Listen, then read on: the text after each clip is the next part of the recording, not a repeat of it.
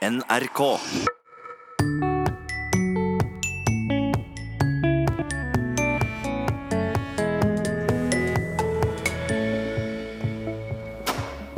Her har du vært før, Alexandra. Ja, det var litt andre nerver sist jeg var her. Skal vi innta den scenen en gang til? da? Yes. Språkteigen er i Bergen i dag, og vi er på vei opp til scenen i universitetsaulaen. Veldig fint her, da. Ja, Kjempefin sal. Veldig rart å se at det var tomt. Det var jo kjempemasse folk her under finalen, så det er litt kontrast. 18 år gamle Alexandra Olsen er tilbake på stedet hvor hun i fjor høst vant talekonkurransen Ta ordet. Her.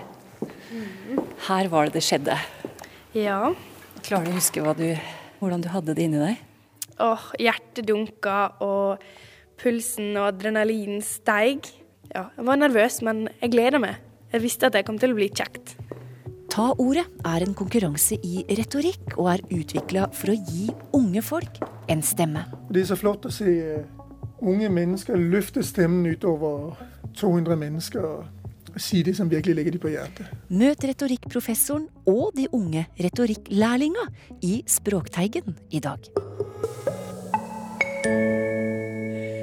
Kanskje vi skal sette oss litt ned på den stolen her og så snakke. Men nå har vi prøvd eh, talestolen. Alexandra Olsen er fra Ålesund og er ei av mange hundre elever på Vestlandet som gjennom konkurransen Ta ordet har gjort nettopp det. Turt å ta ordet og tale foran klassen, skola eller andre forsamlinger.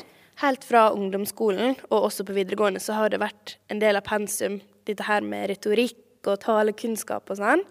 Så på forhånd, før vi starta på skriveoppgaver i forhold til talen, så lærte jo vi litt om logos og patos og etos og sånne retoriske begrep. da. Så jeg hadde allerede kunnskapene litt inne.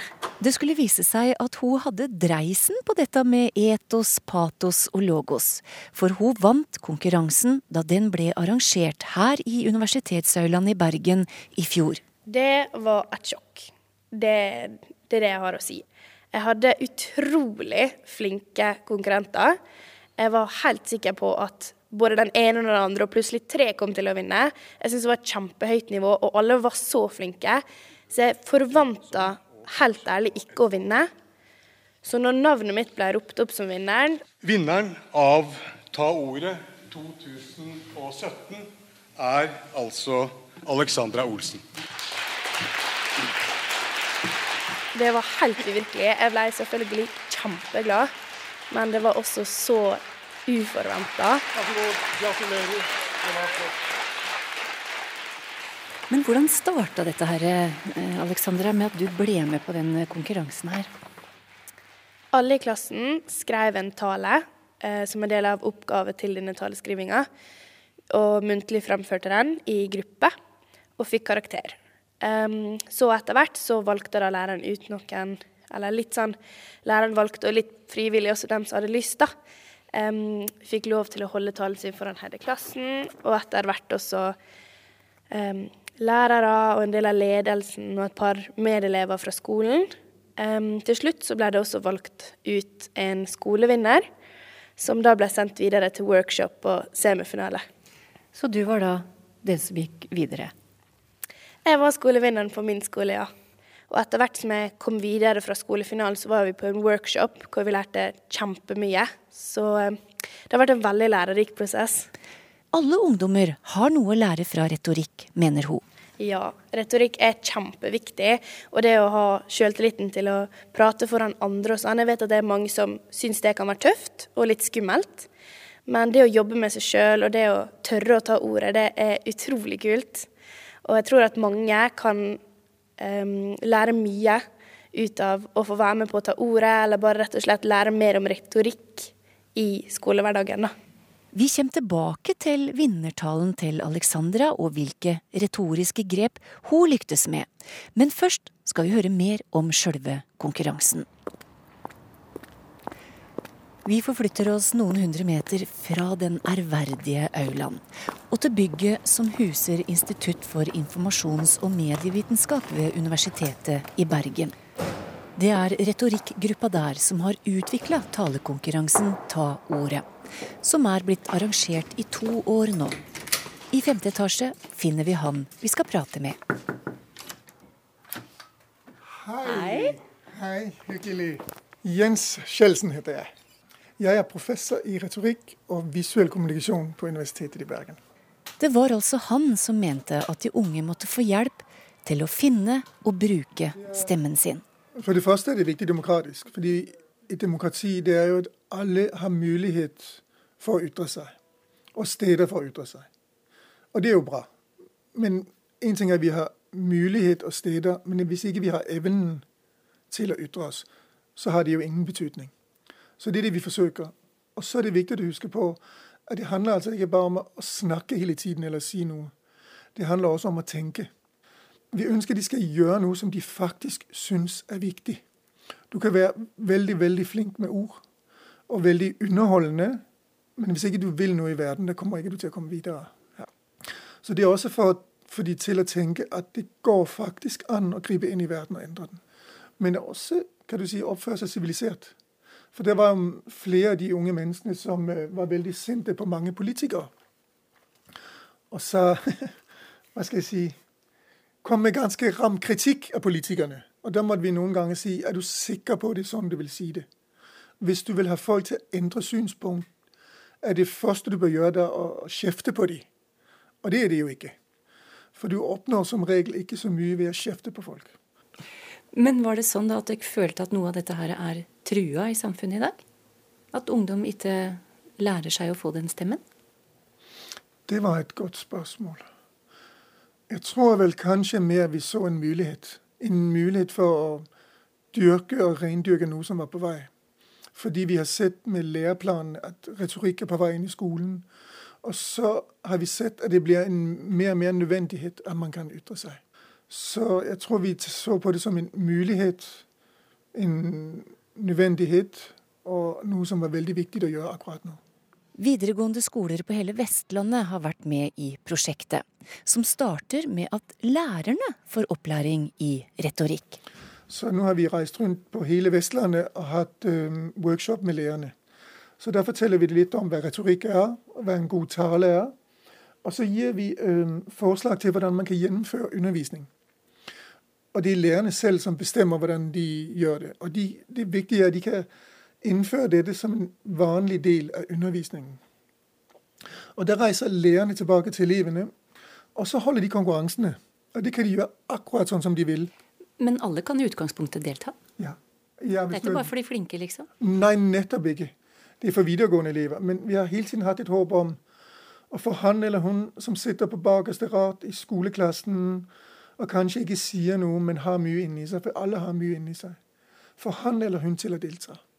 Vi har ikke laget noe fast opplegg. Vi har forslag til forskjellige muligheter, men på forskjellige skoler gjør man det forskjellig. Øh, noen øh, gjør det bare i klassen, noen velger noen ut.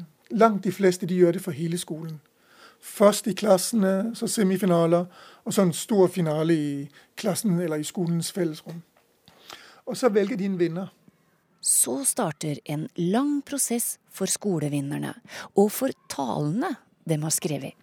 Og så ser vi på alle vinnerne fra disse skolene. Der har vi retorikere her på Universitetet i Bergen som vurderer det. Og så øh, kommer de Først kommer de til en, øh, en workshop, og der kurser vi de første i retorikk. Og så har vi øh, grupper.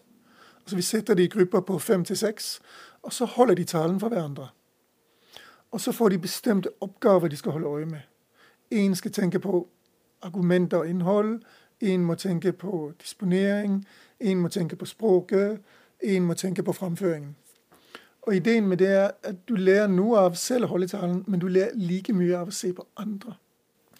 Og så øh, ser vi retorikere på videoer for alle talene, ser på manuskriptene, de reviderte manuskripter. Så velger vi tolv ut. Og så har vi videokveld. Rett og slett. Så har vi manuskriptene, og så har vi de tolv semifinalister på video. Og så går vi igjen etter særlige kriterier. Og så velger vi seks ut på det. Og de seks går til øh, finalen. Men det er ikke bare det skrevne ord som skal vurderes og jobbes med. Framføring er òg en viktig del av talekunsten, og det drilles dem òg på. Og Der begynner det å bli virkelig for elevene.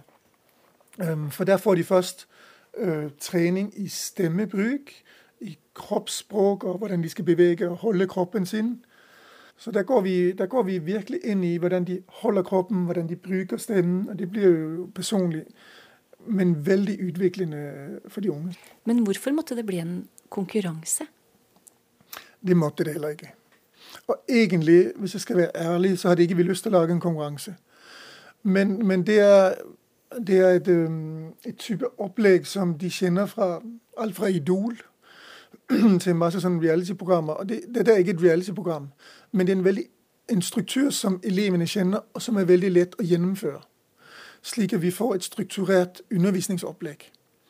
Og så er det litt gøy for dem. Men det kan være litt skremmende, da, for de må jo holde den talen for klassen, for skolen. Mm. Og så til slutt, hvis du kommer videre i universitetets aula i Bergen, da. Mm. Det kan være skremmende? Ja, det kan være veldig skremmende. Men det som er så flott, det er at de gjorde det likevel. Og de gjorde det bra. Og det er så flott å se uh, unge mennesker løfte stemmen utover 200 mennesker og, si det som virkelig ligger dem på hjertet. Tre av de andre finalistene fra fjorårets konkurranse er òg tilbake i aulaen i dag. Ja, hei, jeg heter Maria Orre Hånes. Daniel Bilsbakk. Amalia Salvei. Åssen er salen, Daniel? Nei, Jeg syns den er helt nydelig. Jeg eh, ble så glad når jeg kom opp her når vi skulle holde tale. for Det var en helt fantastisk eh, sal å holde tale i. Mange folk å så på. De viste, de viste følelser òg. Det første jeg så når jeg kom opp på scenen, var var en litt eldre dame som satt og grein bak i salen. Så det var, nei, det var gøy å holde taler. Hva tenker de om de store ordene Jens bruker? Dette med at talekunst er viktig for å være ei stemme i demokratiet? Man, eh, man bør jo eh, kunne snakke for seg. Eh, man bør kunne eh, tale på en god måte.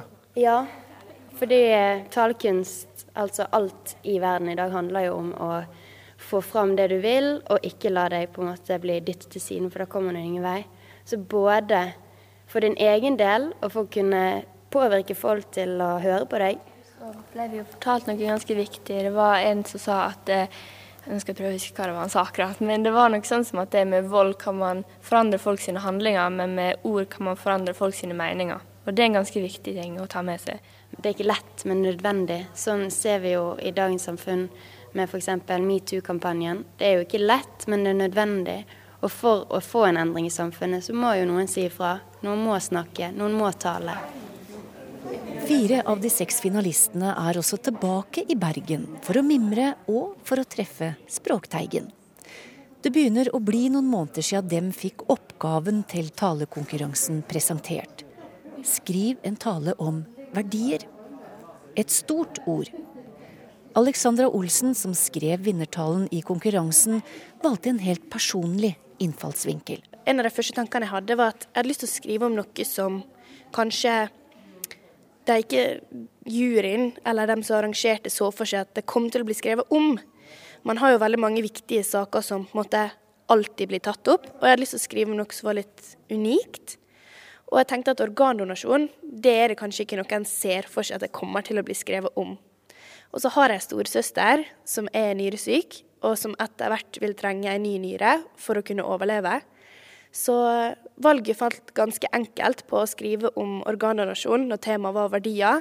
For det handler jo veldig mye om nestekjærlighet og medmenneskelighet og menneskeverd. da. Så hva, hva var målet ditt med talen da? Målet med hele talen var så klart å oppfordre flere til å bli organ eller til å donere sine organ, til å bli givere. Husker du hvordan du tenkte videre? Hvilke grep du skulle bruke? Jeg spilte jo mye på troverdighet. Det at jeg har ei søster som er nyresyk, og jeg vet hva jeg snakker om når jeg snakker om organdonasjon. Og så vil jeg også spille på mottakerne sine følelser. Etter mange etapper på veien med klassekonkurranse, skolekonkurranse, stadig nye versjoner av manus og øvelser på framføring, kom altså den store dagen. Dagen da Alexandra skulle stå foran 200 mennesker i universitetsaulaen i Bergen og holde sin tale. gi en skikkelig varm velkomst til Alexandra Olsen. Åh, hjertet dunka, og pulsen og adrenalinen steig. Ja, jeg var nervøs, men jeg gleder meg. Jeg visste at det kom til å bli kjekt. Kunne hennes stemme bety en forskjell? Vi benker oss foran PC-en på kontoret hos Jens Kjeldsen og ser på talen. Hvilke retoriske grep gjorde Alexandra som førte til at hun vant denne konkurransen? Hun begynner allerede i, um, i innledningen. Vil du ha jeg skal spille den for deg? Ja. Vi kan prøve å høre her. Se for deg. Det er en varm sommerdag, og du er på stranda. Du bader, plasker litt rundt i vannkanten. Plutselig ser du ei dame som holder på å drukne. Du svømmer bort så fort du kan, tar tak, trekker henne inn. Hun klarer seg. Du har redda et liv. Det første hun gjør, som vi hører her, det er at hun tegner et veldig tydelig bilde. Og det er et bilde som har gjenkjennelse. For de fleste av oss, nesten alle, har jo vært på stranden en varm sommerdag. Og om vi ikke har opplevd en som holder på å drukne, så har vi kanskje tenkt på det noen ganger. Så vi kjenner følelsen. Og så beskriver hun i detalj hvordan du går ut, trekker kvinnen inn, eller mannen, vi har antakelig allerede bilder, og redder hun. Og så fortsetter hun etterpå. Nå har hun på en måte plassert oss som en, en handlende person i et bilde. Og så fortsetter hun. Vi vil alle redde livet til personen på stranda, sjøl om det er vanskelig. Samtidig lar de fleste være å redde liv på en annen måte, sjøl om det er lett. Og så lager hun en veldig fin kontrast. Fordi det er klart vi vil alle gjøre det som er vanskelig. Men hvorfor gjør vi da ikke det samme når det er lett? Og Noe av de sterkeste midler i retorikk, i talekunst, i skrivekunst, er nettopp kontrastene. Fordi vi ser ikke det lyse uten det mørke, det vanskelige uten det enkle, gleden uten sorgen. Så vi forstår disse ting i forbindelse med andre. Så nå har hun altså gått rett på. Hun har tegnet et bilde for folk. Hun har tegnet en kontrast. Og hun har akkurat begynt, og vi begynner allerede å forstå hva som skjer. Og allerede nå, i den neste setningen som vi skal høre nå, der forteller hun oss hva skal vi gjøre. Hvis du melder deg som organdonor, kan du redde ikke bare ett, men sju liv. Da snakker vi. Nå vet vi hva det handler om. Det handler om organdonasjon. Og da ser vi organdonasjon i lyset av det å rette en person ved stranden. Så i løpet av innledningen har hun vunnet vår velvilje, fått, oss interessert, pekt på hva det handler om, og fortell oss hva vi skal gjøre. Og så kommer hun til å utdype det underveis. Mm. Og så gjør hun noe annet her, for hun sier du kan redde ikke bare ett, men syv liv. Og så vet vi ikke helt ja, hva, hvorfor det. Så da har hun vakt interesse. Så nå må vi vente og høre hva, hva syv liv er for noe. Og det sier hun allerede i neste setning. Sju organ kan redde sju liv. Sju mennesker med familie, venner og kollegaer. Du kan redde Ole, en ung gutt med hele livet foran seg. Bare han får den levra han så sårt trenger for å overleve. Naboen nede i gata kan være med på å redde en av foreldrene dine, kjæresten din, barnet ditt. Du kan redde mi søster. Så det hun gjør nå, fremfor å snakke abstrakt og generelt, og si organdonasjon er veldig viktig, man kan hjelpe mange folk, så blir hun igjen konkret. Og Det er det viktigste du kan gjøre med taler. Du, be, du må bevege deg mellom det generelle, redde liv, hjelpe folk, og gjøre det konkret. Ja, hvem? Hvordan? Og Da nevner hun helt konkrete mennesker som vi kan hjelpe. Mm. Så da fatter vi at dette gjelder alle. Og så blir hun personlig og sier du kan redde søsteren min. Og da blir vi veldig interessert. Da tenker vi nå ja, hvordan? Og vi får også en forståelse av at dette gjelder hun veldig konkret. Og det er viktig når man bruker det der, det er viktig å være, bruke noe for ens eget liv. For er erfaring, det er innsikt, men det skal ikke handle om bare deg. Så i retorikken er vi veldig opptatt av å bruke følelser, appellere til følelsene. Men ikke å lyge med følelsene. Så du må bruke følelsene, men du må bruke det til å gjøre noe mer generelt. Og det er akkurat det hun gjør. Mm. Hun bruker sin egen søster, som vi skal se og høre, til å få folk til å bli interessert i organdonasjon. La oss prøve å høre hvordan hun gjør det. Søstera mi har en nyresykdom. Og en dag vil hun trenge en nyretransplantasjon. Får hun ikke det, kommer hun til å dø. Til enhver tid står det mellom 400 og 500 personer på venteliste for en organtransplantasjon i vårt lille land. I 2016 var det 107 donasjoner fra avdød giver. Det vil si at bare én av fem ville fått den livsnødvendige hjelpa vi trengte hvis vi alle var utsatt. Se deg rundt. Se på dem som du sitter sammen med. På seterada di sitter det fem andre personer sammen med det. Bare én av disse ville overlevd. Hva Hun begynner å snakke om seg selv, men så får hun forståelse av nei, det handler ikke bare om meg. Det er et generelt samfunnsproblem. Og når man holder en offentlig tale, så skal det egentlig ikke bare handle om deg selv. Dine problemer skal bli et bilde på tilsvarende utfordringer eller problemer som andre har, slik at vi kan hjelpe hverandre med det. Og så gjør hun det veldig konkret igjen. Veksler hun mellom generelt og konkret og sier, sier til de som sitter i salen, se på den personen som sitter ved siden av deg. Og da gjør hun et tall, altså en, eh, en femtedel, til noe veldig konkret nemlig de mennesker som sitter ved siden av deg. Det var vel som, som, som, man ofte bruker som eksempel, som Stalin sa en gang, at, at øh, en million mennesker er statistikk, men ett levende menneske er en skjebne. Det var ikke helt sånn han sa det, men det gjelder om å gjøre det konkret. For det er, da er grepet å fange tilhøreren, fordi at da gjelder det den som hører på. Det gjelder ikke hun, men det gjelder den som sitter og hører på. Ja. Vi tenker ofte at en god taler det er en taler som har makt. Men en god taler er en taler som gir tilhørende makt. Men gir de makt til å treffe et opplyst valg innenfor de rammer du gir dem. Fordi du kan være så god taler du bare vil, men hvis publikum fremdeles er uenig, så har du ikke nådd frem. Så man sier at retorikken er den åpne hånden. Altså jeg tilbyr deg noe, men det er du som bestemmer om du vil ta imot det og akseptere det. Og Det er ofte noe folk glemmer når de skal skrive gode taler. Jeg er stolt av å si at jeg er organdonor. Og det ville, bokstavelig talt, varma fryktelig mange hjerter om du også ville si det for å bli det. Så ta en titt rundt deg i salen. Kanskje sitter du med noen du kjenner, og kan si det nå.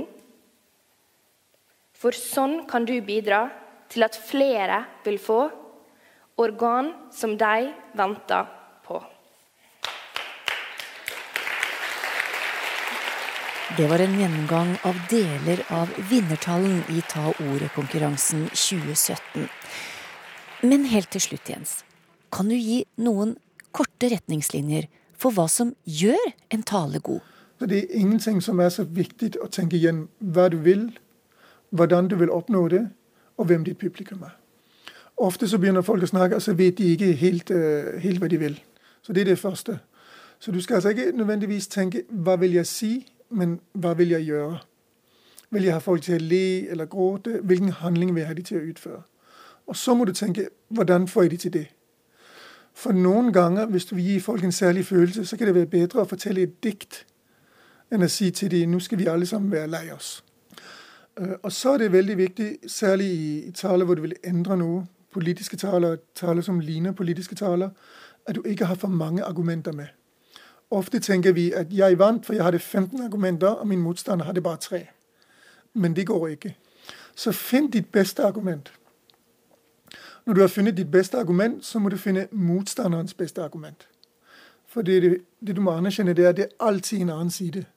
Det er alltid noen som har veldig gode øh, og verdifulle motargumenter.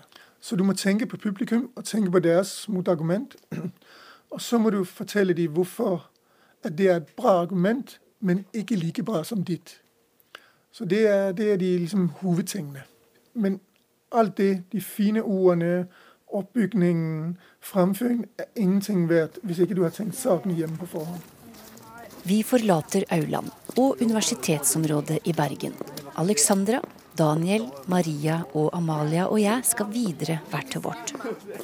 Men før vi skilles, så tenker jeg tilbake på det professor Jens Kjeldsen sa.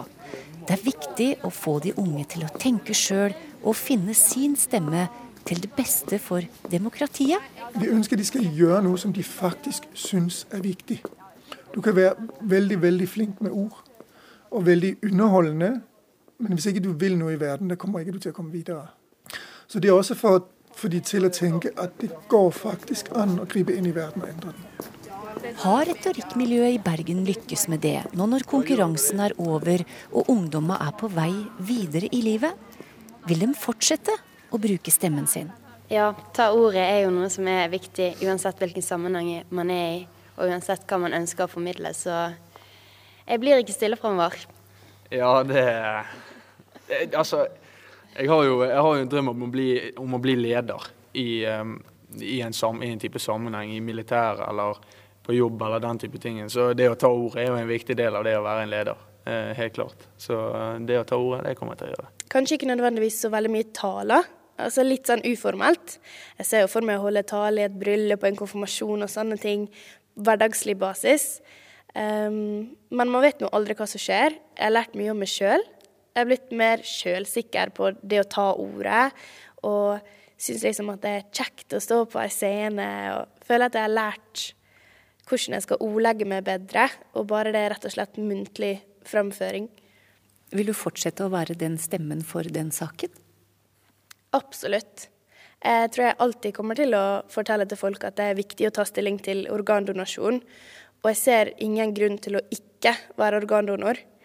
Og allerede nå i april så skal jeg delta på et seminar i Ålesund for lunge- og nyretransplanterte. Så det ballen ruller videre, og organdonasjon kommer nok alltid til å være et fokus hos meg og min familie. Ja, Og du vil være stemmen som bærer det? Det syns jeg er veldig fint. Det er ære å få lov til å ta opp et så viktig budskap. Men har du tenkt på i ettertid at du òg har gjort noe veldig viktig for søstera di? Ja, det har jeg. Hun er jo utrolig stolt av meg, og det gjør meg veldig glad å høre. Og jeg har fått masse meldinger fra folk jeg ikke kjenner, fra hele landet, som også trenger nye organ. Som har takka meg for at jeg har tatt opp et så viktig tema. Og jeg vet at mange, eller forhåpentligvis har jeg klart å skaffe mange nye organdonorer. For det er flere som har kommet bort og sagt at det, oi, dette her skal jeg hjem og fortelle til foreldrene mine at det, nå skal jeg bli donor. Og det er utrolig kjekt. Mm.